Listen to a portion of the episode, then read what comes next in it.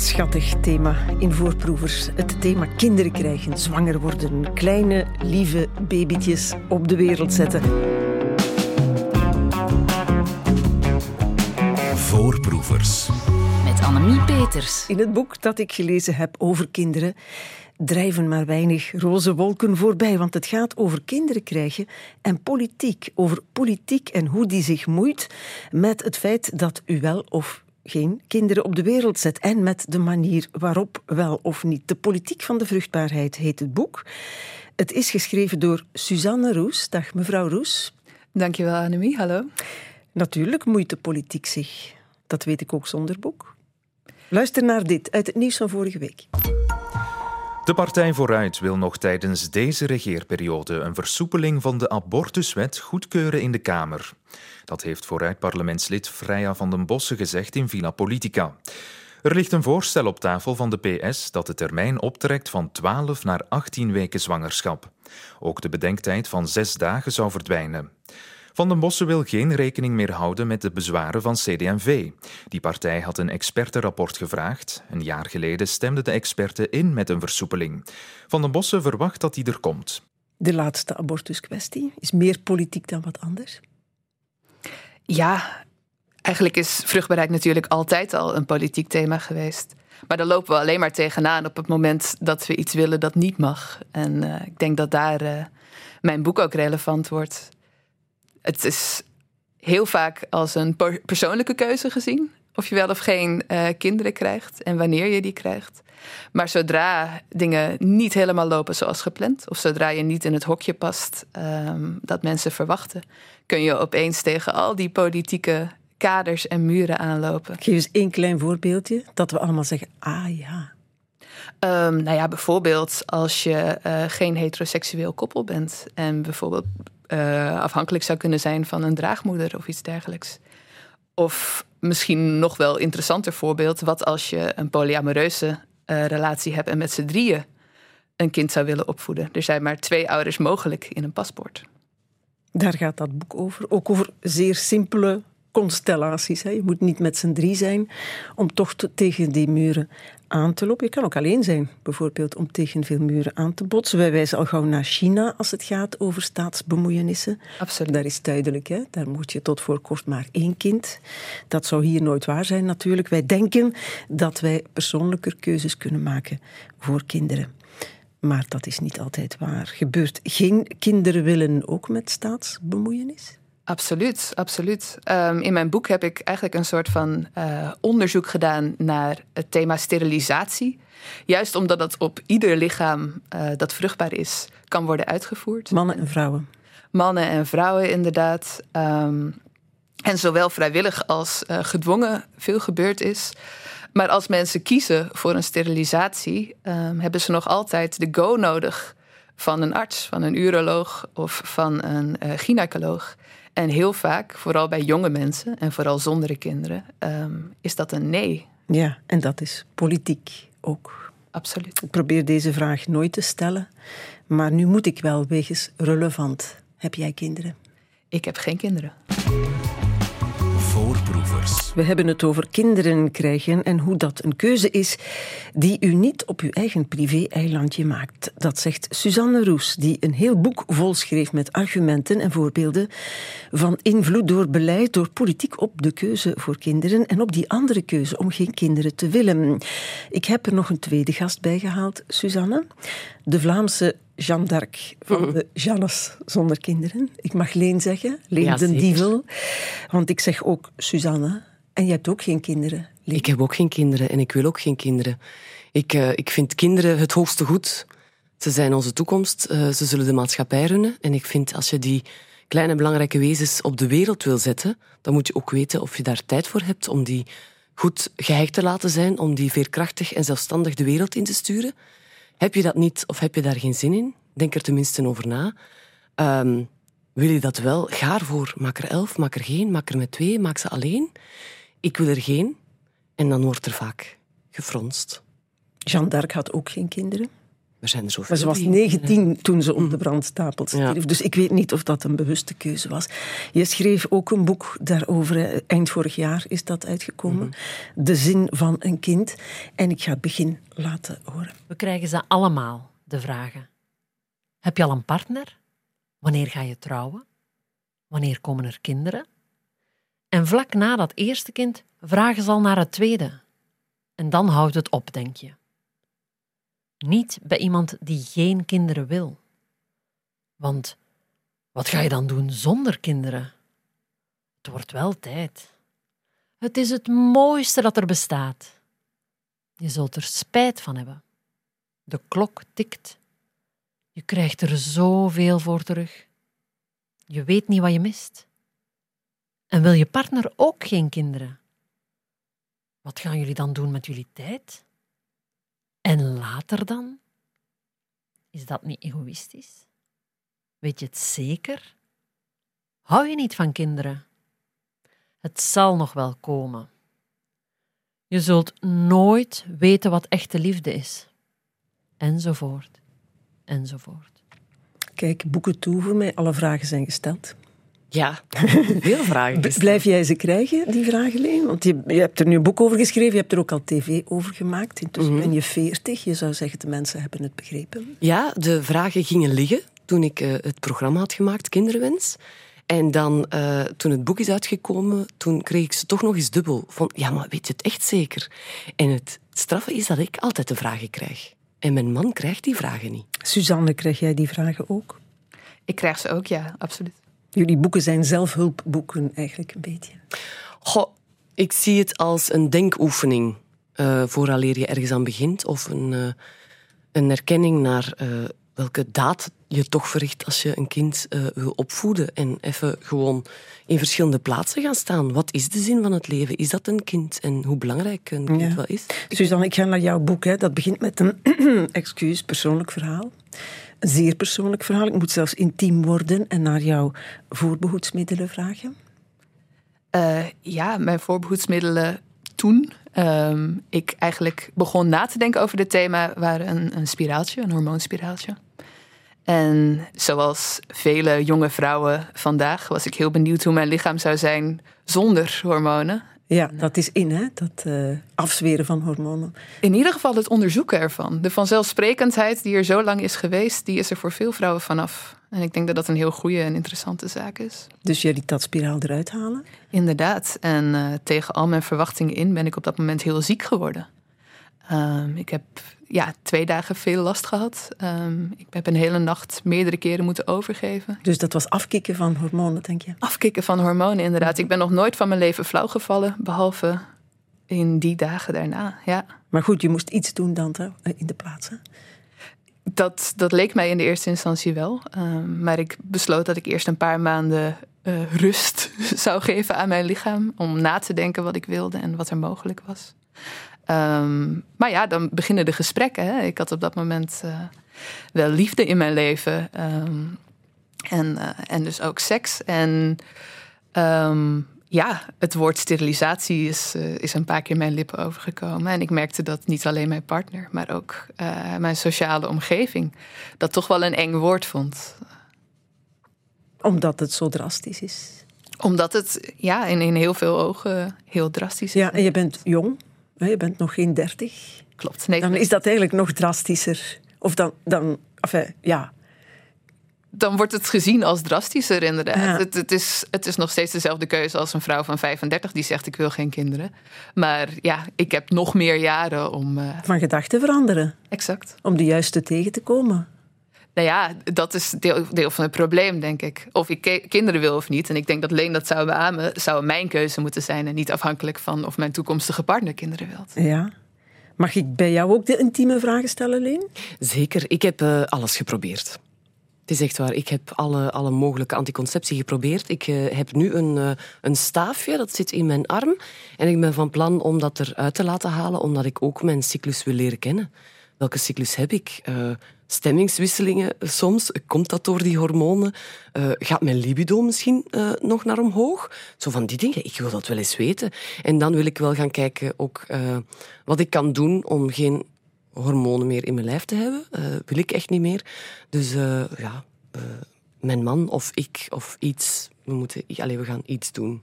Ja, we zitten nu wel heel midden in de intieme vragen en getuigenissen, maar waar is de politiek in dit verhaal nu? ik denk dat... Op dit moment, in deze fase. Als het gaat om anticonceptie, ja. Uh, nou ja, hangt er vanaf wat je natuurlijk politiek noemt. Uh, maar ik denk dat, dat um, in de brede zin van het woord politiek betekent natuurlijk wie beslist wat. En in dat opzicht is het feit dat anticonceptie een vrouwenzaak is, denk ik, een heel relevant iets om even aan te stippen. Mm. Dat doordat dat altijd als vrouwenzaak werd gezien, al onze technologie vrouwengericht is, um, mannen geen verantwoordelijkheid kunnen nemen, want er zijn bijna geen middelen. Um, en dat betekent dat het iedere keer opnieuw uh, op de vrouw haar bordje komt. Ja, we zitten nu midden de taboes. Hè. Geen kinderen willen is een taboe. En de manier waarop is dat ook. Hè. Als het of, of, voor de mannen of voor vrouwen is. Laten we het opdelen. En eerst over dat eerste taboe toch. Hè. Geen kinderen willen. Is dat niet aan het veranderen? Want ik hoor meer en meer jonge mensen zeggen: ik ga er niet voor, ik uh, zie dat niet meer. Ja, jonge mensen zijn aan het nadenken. Ja, maar als je die leeftijd krijgt uh, waarop kinderen er toch kunnen komen, of je nadert de leeftijd waar kinderen er eigenlijk misschien niet meer zullen komen, want ik, ik ben bijvoorbeeld 40, ik ga binnenkort in de pre hoe noemen ze dat? Uh, Pre-menopauze. Perimenopauze. Is dat? dat? Ja, dat, dat is een hot woord tegenwoordig ook. Hè? Uh, ja, en dan, en dan gaat de tijd dringen. Hè? En dan, dan is er toch wel een grote taboe van... Ja, maar je gaat spijt hebben. Want het is toch iets zeer belangrijk en je gaat niet weten wat je meemaakt als die leegte er is. En waarom zouden we er zo'n probleem mee ja. hebben? Zal dat hiermee te maken hebben? Ik laat even iemand horen. Er is wat opschudding ontstaan na nieuwe uitspraken van de paus. Paus Franciscus die had het over echtparen die bewust kinderloos blijven. In een audiëntie in het Vaticaan op tweede kerstdag noemde Franciscus die keuze een vorm van egoïsme. We zien dat sommige mensen geen kinderen willen of maar één kind hebben, maar ze hebben wel honden en katten die de plaats van kinderen innemen. Einde citaat. Ja, speelt dat nog mee in ontkerkelijkte landen als België en Nederland? Absoluut. Kijk vooral naar hoe er uh, vanuit de rechtse hoek wordt uh, geprojecteerd. Er wordt vaak gezegd, um, bijvoorbeeld de uitspraak nieuwkomers maken we zelf. Uh, nadenken over wat voor land we creëren en wat daarvoor nodig is. Uh, het baren is gewoon deel van, van dat traject, van dat idee. Is iets natuurlijks dan? Speelt dat dan ook mee dat dat tegen de natuur is? Ingrijpen in? Want Absoluut. jij schrijft in jouw boek wel: ingrijpen in gezinsuitbreiding is zo oud als de straat. Absoluut, ja. We doen heel vaak alsof kinderen krijgen heel natuurlijk is. En uh, het ingrijpen daarin een modern en problematisch fenomeen is. Maar de allereerste medische teksten die wij kennen. Uh, dus dan hebben we het over 2000 voor Christus, als ik me niet vergis. Uh, zijn teksten waarin onder andere recepten voor anticonceptie worden gepresenteerd. De pil is nog maar 100, nog geen 100 jaar oud. Inderdaad, maar anticonceptie is, is zo oud als de geschiedenis. En wat deden ze toen? Um, onder andere um, krokodillenpoep werd er gebruikt. En hielp dat? het is nog een optie, Leen. Ja, ja, ja, ja, het stinkt een beetje, maar ja, het kan. Het kan. Misschien gaat het over het morele oordeel. Want de paus zei ook, het is egoïstisch geen kinderen willen.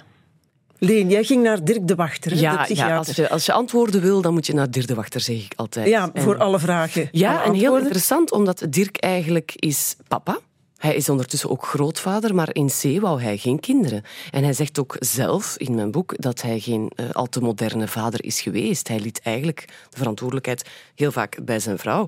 Maar ik stelde hem ook de vraag uh, van waarom het toch zo egoïstisch wordt gezien. En hij zei, hij gaf een heel mooi antwoord. Je kan egoïstisch voor kinderen kiezen, namelijk ik wil niet alleen zijn later of ik wil het beter doen dan ervoor, dan mijn geschiedenis is geweest. Je kan ook egoïstisch niet voor kinderen kiezen als je echt gewoon alleen maar aan jezelf denkt.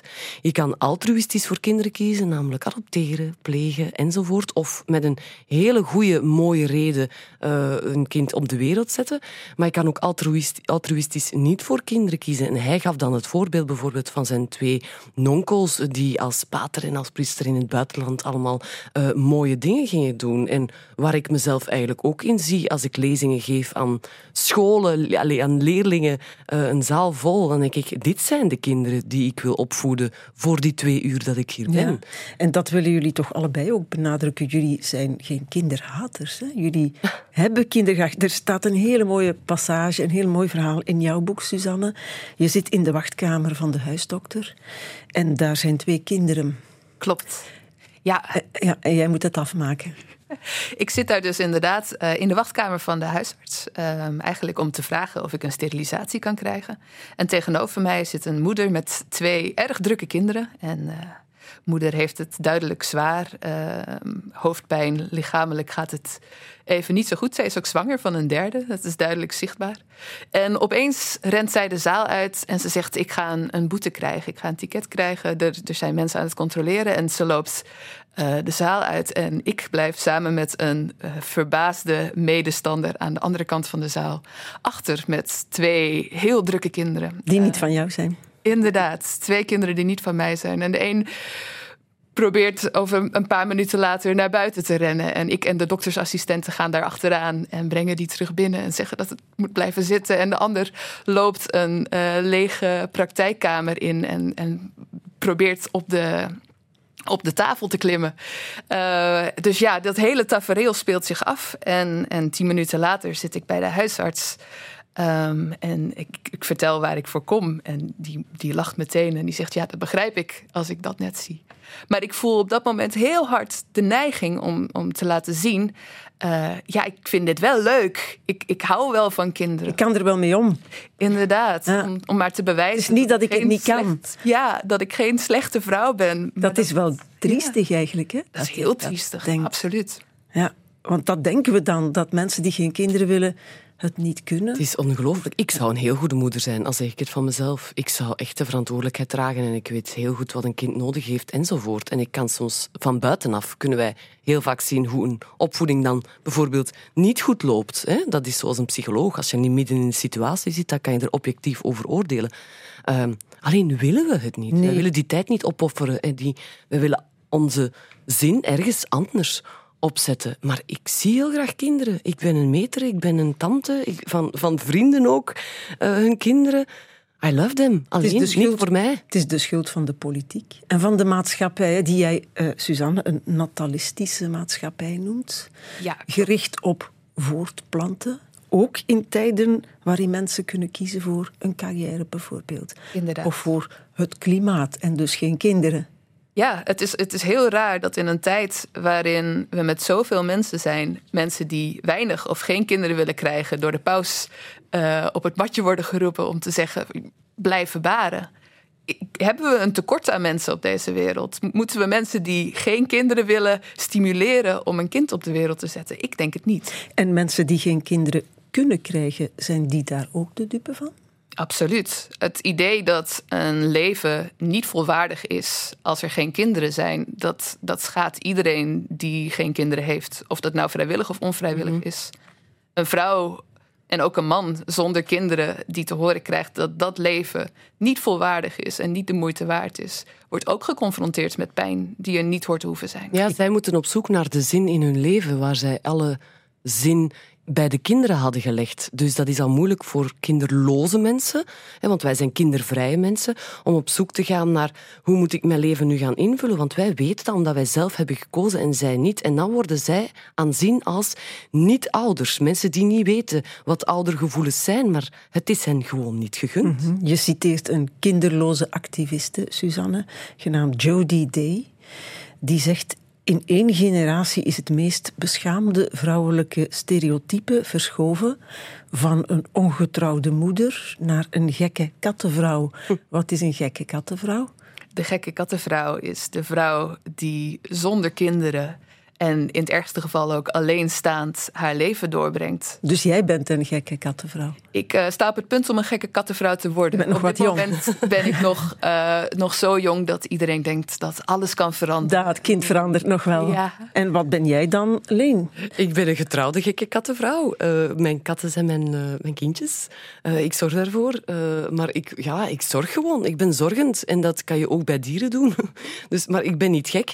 En ik, toen ik 29 was, zoals Suzanne, had ik hetzelfde idee. En ik ben na elf jaar niet veranderd. En ik kreeg ook altijd het idee van, het kan nog veranderen. Uh, maar ja, jij bent, jouw, jij bent, jouw, prins al tegengekomen intussen. Hè? Ja, en zelfs... Genaamd Udo. Ja, en, en, en de prins Udo uh, zou een zeer goede vader zijn. Dus als, er met iemand, als ik met iemand kinderen zou willen, zou het met hem zijn. En zelfs dat niet. En we staan wel met twee neuzen in dezelfde richting. Dus dat is wel fijn. En dan een brug terug naar sterilisatie, de rode draad door het boek De Politiek van de Vruchtbaarheid. Um, en dat waar ze bij jou, Suzanne Roes, menig wenkbrauw bij hebben opgetrokken, hè, als jij de vraag stelde. Leenden Dievel zit er ook bij, schreef het boek De Zin van een Kind, waar ook wenkbrauwen werden bij opgetrokken, bij die titel. Leen, Ja. je vertelde mij dat aan de telefoon. Je had misschien een wervender titel moeten kiezen. Had ik commercieel gedacht, had ik eh, mijn boek Kinderwens moeten noemen. Ja, dat is positiever, dat, dat Omdat er, ja, ik dacht dat het positief was, omdat het, het, refer- het refereert een beetje naar eh, ja, kind en gezin. Eh, in wat heb je zin? Heb je er zin in? Eh, is, is het leven de zin in een kind of, is, of ligt je zin ergens anders? Je kan het breed interpreteren, maar je schopt tegen schenen. Omdat ouders voelen zich aangevallen, terwijl ik ik, ik, ik plaats een, een veer op een hoed echt voor alle ouders dat zij dat willen doen, een kind opvoeden. Omdat ik wil het niet doen, ik wil het niet. En ik wil hen gewoon meegeven van... Kijk, denk daar eens over na. Plaats je eens in verschillende ehm, standpunten. Bij de ouders, bij kinderloze mensen, kindervrije mensen enzovoort. We zijn dat intensief aan het doen op dit Ja. moment. En we moeten terug naar die sterilisatie. Hè. Suzanne, eh, waar jij om moest smeken is misschien veel gezegd, maar waar je toch grote pleidooien voor moest, moet houden. De clue nog niet verklappen. Hm? Ja. Terwijl ik pas in het nieuwsblad las en daarna op de radio het volgende hoorde. Wel, uit cijfers van het RISIF, eh, waar het nieuwsblad eergisteren mee naar buiten kwam, blijkt inderdaad dat mannen de laatste jaren veel vaker zo'n vasectomie laten uitvoeren. In 2010 waren er 7300 ingrepen en in 2022 steeg dat naar 8900. Dat is een vijfde meer. Het zijn meestal late dertigers en vroege veertigers die daarvoor kiezen, omdat ze geen kinderen meer willen. Hun kinderwens is vervuld, zoals dat dan heet. En ze zien dat als een vorm van definitieve contraceptie. Vasectomie is sterilisatie. Hè? Dat is Klopt, toch dat hetzelfde. Dat heb sterilisatie ik goed mannen, begrepen. En het bijkomend nieuws was ook dat het aantal twintigers toeneemt dat vraagt om sterilisatie. Het krijgt ook. Begrijp ik dan? Het is het moment, Suzanne. Je moet er nu gaan vragen. Het is hot. Ja, ehm, maar eigenlijk is het dat al heel lang. Hè? Het is, het, deze cijfers laten veel zien over welke mensen een ja te horen krijgen en weinig over welke mensen het vragen. Je bedoelt, ah, je bedoelt de mannen krijgen een ja. Ehm, onder andere, ja. Een, een ja is voor mannen makkelijker te krijgen, maar ook vooral voor oudere mannen en mannen met een kind. Het is grappig dat bijvoorbeeld gezegd wordt dat de kinderwens vervuld is. Het idee dat mannen zonder kinderen hier ook deel van uitmaken en horen te maken, zit eigenlijk al niet in de woorden. Ja, ja, dat is ook dat natalistische eh, perspectief. Hè? Van, ja, dat kind is er, nu mag het. Mhm. Ja. Ehm, maar ik begrijp toch ook dat mannen vaker een sterilisatie gedaan krijgen dan vrouwen. Klopt. jouw boek. Klopt. En wat zijn dan de argumenten pro bij de mannen en de argumenten tegen bij de vrouwen? Enfin, tegen bij de vrouwen is, ja, het is onomkeerbaar. Het is, eh, eigenlijk is het bij beide onomkeerbaar. We denken vaak dat een, eh, een vasectomie makkelijker te omkeren is. Ehm, en dat is waar in de eerste jaren nadat het is uitgevoerd. Maar dat is over het algemeen niet de periode waarin mensen van gedachten veranderen. En naarmate het langer na de operatie is, is het veel moeilijker om terug te keren. Maar wat zeggen ze dan tegen mannen om het wel te geven, wel toe te staan, toe te passen? het, het, belangrijkste principe lijkt te zijn, als het om mannen gaat, dat het vrijwillig en autonoom uh, gekozen wordt. Dus zolang een man echt achter zijn keuze lijkt te staan, uh, is het een goede zaak en is dat oké. Okay. Uh, dus de meeste mannen krijgen ook uiteindelijk een ja te horen. Vaak met een weekje of twee weekjes bedenktijd. En het grote contrast met de vrouwen is dat die soms jarenlang een dossier moeten opbouwen om te laten zien dat ze dit echt willen. Want de angst voor spijt bij vrouwen is veel groter. Dus tegen mannen zeggen ze, om het heel simpel uit te drukken, goed nagedacht, flink. En tegen vrouwen zeggen ze, denk nog eens goed na. Inderdaad. En dat heeft waarschijnlijk heel veel te maken met dat we vrouwen als, als geboren moeders zien. Dat, dat een, een vrouwenleven zonder kind als onvervuld wordt gezien. Maar we hebben toch de seksuele revolutie gehad. Toch niet voor niks. We hebben Sheer Height gehad, die in 1976 schreef hoe vrouwen al dan niet klaarkomen. Heeft dat niks wezenlijks veranderd? Het heeft zeker veel veranderd. Uh, we hebben veel betere middelen gekregen om, uh, om onze eigen vruchtbaarheid te reguleren. Maar de verantwoordelijkheid is daardoor ook nog meer bij de vrouw komen te liggen. De pil was revolutionair en veranderde enorm veel, maar zorgde er ook voor dat wat daarvoor de standaard was, dingen als terugtrekken en kalendermethoden, waarbij een man nog gedeeltelijk betrokken is. Ook moet tellen. Ja, inderdaad. Ah. Vaak, vaak meetelt en, en, en mee nadenkt en, en deel uitmaakt van het beslissings- en het uitvoeringsproces. Dat werd uiteindelijk verborgen naar het nachtkastje van de vrouw, de pil. Mm Dus het is minder goed uitgedraaid voor de vrouwen op dat vlak. Het is minder goed uitgedraaid voor vrouwen, maar ook voor mannen, denk ik. Uh, we hebben heel vaak de neiging om na te denken over het probleem van anticonceptie als: oh, alles komt maar bij de vrouw terecht. En dat is waar en dat is een slechte zaak. Maar ook welke keuze heb je als man als je alleen maar kan kiezen voor condooms die niet zo veilig zijn? Of sterilisatie die nogal definitief is. Maar is het vaststelbaar dat hoe minder opties er voor vrouwen zijn, hoe meer mannen hun verantwoordelijkheid nemen? Dat lijkt wel zo te zijn, ja. Als we kijken naar de Verenigde Staten bijvoorbeeld, zijn de cijfers van vasectomie uh, best wel de lucht ingeschoten op het moment dat abortusrecht beperkt werd. Zodra de noodrem eruit was getrokken en vrouwen niet meer de garantie konden bieden dat ze het zouden laten weghalen wanneer het zover was, was er voor mannen opeens een grote reden om uh, een stap als dat te nemen. Dan kun je het ook toepassen op dat abortusdebat dat hier de laatste weken wordt gevoerd. Dan zou je kunnen zeggen, twaalf weken voor een abortus en geen achttien, waar nu die discussie over gaat. Die twaalf weken leggen meer verantwoordelijkheden bij mannen qua anticonceptie en kan dus een progressief idee genoemd worden. Daar zou ik dan weer heel voorzichtig mee zijn. Want al dat is toch de logica die we net hebben uitgelegd? Absoluut, absoluut. Hoe slechter die noodrem is, hoe meer redenen mannen hebben om uh, zelf te handelen. Maar zolang die middelen voor het handelen heel beperkt blijven, is het ook logisch dat mannen zich terughoudend opstellen. Stel je voor dat als vruchtbare vrouw je moest kiezen voor definitief of onveilig. Want dat is de situatie die mannen nu hebben. Even laten bezinken. Ik vraag me toch ook altijd af. Stel je voor dat de pil voor mannen zou zijn. Zouden wij als vrouwen daar vertrouwen in hebben dat die pil elke dag wordt geslikt? Enfin, maak me even die, die, die bedenking. Een randbedenking moet kunnen. Maar dat is dus een bedenking die mannen die echt geen kinderen willen zich iedere dag ja, moeten maken. Voilà. Exact. Ja. Nog even over die spijt. Hè. Focus op spijt als je een definitieve anticonceptie gaat vragen. Sterilisatie bijvoorbeeld, bij vrouwen. Terwijl je ook spijt van kinderen kunt Absoluut. hebben. Absoluut. Ik heb uh, de anonieme vraag gesteld op uh, de sociale media. Wie heeft er spijt van zijn kinderen? Onder het mom van ik ben uh, iemand, een leerling, doe een enquête voor een eindwerk. En er zijn heel veel mensen die zeiden, oh, als ik het eerder had geweten, of ja, ik heb spijt. En dan mensen die zeiden, nee, hoe durf je dit te vragen? En, en, en dat is, hoe kan je spijt hebben van kinderen? Terwijl er waren heel veel mensen die zeiden, ik heb spijt, maar ik durf dat niet zeggen. En ik heb het gevoel dat ze het gevoel hebben dat ze spijt hebben, maar dat het gewoon echt heel zwaar is, een kind opvoeden. En dat, dat ze dat heel vaak gewoon maar te, tegen mensen durven zeggen die geen kinderen hebben.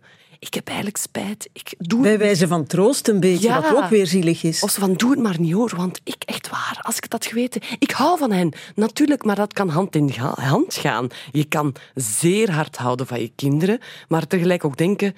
Eerlijk, als ik het op voorhand had geweten, had ik het niet gedaan. Maar dus het bestaat wel. En dan denk ik, doe je mond open, praat met elkaar, ouders. Want het is echt geen sinecure om gewoon kinderen echt een goede opvoeding te geven en alles mee te geven. En het is zwaar, maar het bestaat dus ook. Absoluut. En dat is niet alleen bij gekozen kinderen. Ehm, we denken vaak niet na over de consequenties van het niet kiezen. En als een man eh, geen sterilisatie ondergaat, wat ook gebeurt als die nee te horen krijgt trouwens. Een van, mijn, eh, een van de mensen die ik geïnterviewd heb voor mijn boek heeft dat moeten meemaken. Als een sterilisatie niet wordt uitgevoerd en er geen alternatieven zijn en je maakt per ongeluk je vrouw of vriendin zwanger, dan kan het zomaar gebeuren dat je ongewenst vader wordt. En dat is hem overkomen. En daar zul je je hele leven mee moeten rondlopen. Net als spijt van een sterilisatie is spijt van niet kiezen of spijt van kinderen heel goed mogelijk. Je schrijft zo'n doemscenario in jouw boek van spijt eh, voor iemand die zegt, ik, die, een kind die ongewenst zwanger wordt, besluit het kind te houden. Vertel eens verder.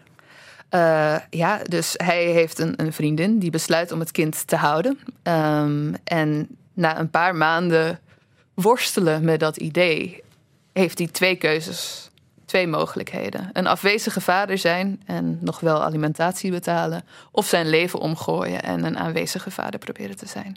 Hij heeft voor het tweede gekozen, maar een echte keuze kun je dat niet noemen als je een jaar daarvoor nog uh, met een sterilisatiewens bij de huisarts zat en een nee te horen kreeg.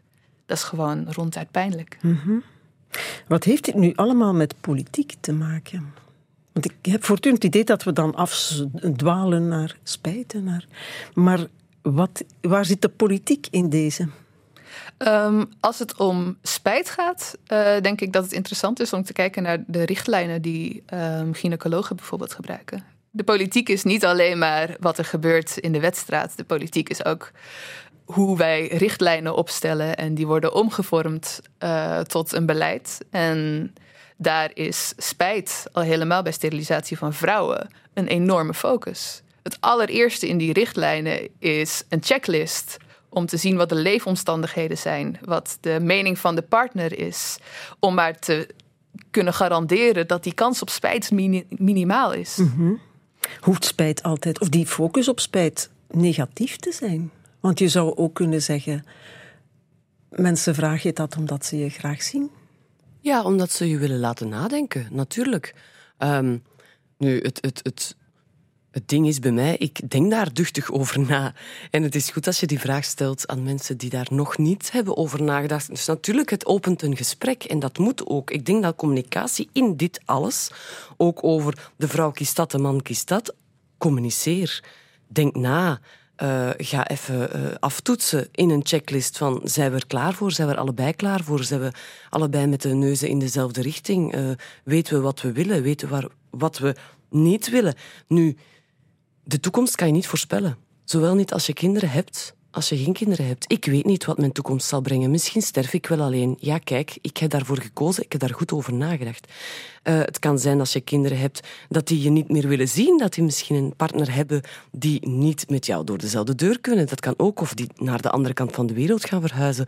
Of die gewoon ineens aan de drugs zitten en waar het het spaak loopt. Het, dat kan allemaal. We hebben dat allemaal niet in de hand. Maar als we op voorhand goed communiceren en op voorhand goed even nadenken, en daarover gaat bijvoorbeeld mijn boek De Zin van een Kind, denk er even over na en neem dan, welke beslissing dan ook, dan denk ik dat het wel goed zit. En het gebeurt veel te vaak dat er kinderen op de wereld worden gezet door mensen die niet over bepaalde dingen hebben nagedacht. En dat is heel spijtig. Maar nu zitten we op glad ijs, hè? want nu zeg je eigenlijk... Zijn er mensen die niet gemaakt zijn om ouder te zijn? Ja. Het is zo, ik zie het vaak. En we zitten hier te zeggen de hele tijd er wordt boven onze hoofden politiek beslist Mhm. dat we niet mogen kiezen voor geen kinderen. Of dat wordt ons moeilijk gemaakt. Hè? Toch zeker als we jong zijn, zoals Suzanne. Maar beslissen of mensen wel... Nee, geen kinderen mogen hebben. moet dan wel Ja, het is echt, ik kan deze mening hebben, maar dat is inderdaad, hoe doe je dat? Hoe doe je dat? Ik vind dat ook een hele moeilijke. Maar jij, jij, vraagt dat in jouw boek aan een van jouw experten, hè? Ja, ik heb dat gevraagd aan Dirk de Wachter. En Dirk de Wachter gaf eigenlijk het antwoord dat hij ooit kreeg van uh, Peter Adriaanse. En ik lees het even voor, want het is echt heel mooi. Peter Adriaanse zegt... Er zijn niet te veel kinderen. Er is een tekort aan bewuste, liefhebbende en goede ouders. En Dirk de Wachter zegt, dat vond ik een wijze gedachte. Ja, ik denk dat hij ook zei, ik denk dat soms wel eens. die mensen zouden geen kinderen mogen hebben, maar ik zeg het niet luidop. Nee, hij denkt dat soms in zijn praktijk inderdaad. En soms komt het wel eens voor, als die mensen dan uiteindelijk ouders zijn geworden, dat het zeer goede ouders zijn. En soms komt het wel eens voor dat waarvan hij dacht dat het goede ouders uh, zouden zijn, uiteindelijk uh, in een vechtscheiding terechtkomen en uiteindelijk van het padje gaan. En, en dat kind dan toch een soort van kopkind wordt. Maar er zijn heel veel kopkinderen van ouders die eigenlijk kopkinderen zijn. Um, kinderen die zich moeten ontfermen over de ouders, die heel snel volwassen worden en die ouders hebben die met ja, beperkingen, mankementen, laat ons zeggen bijvoorbeeld narcistische ouders, psychologisch uh, kwetsbare ouders zitten. Mhm. En die mensen moeten beschermd worden.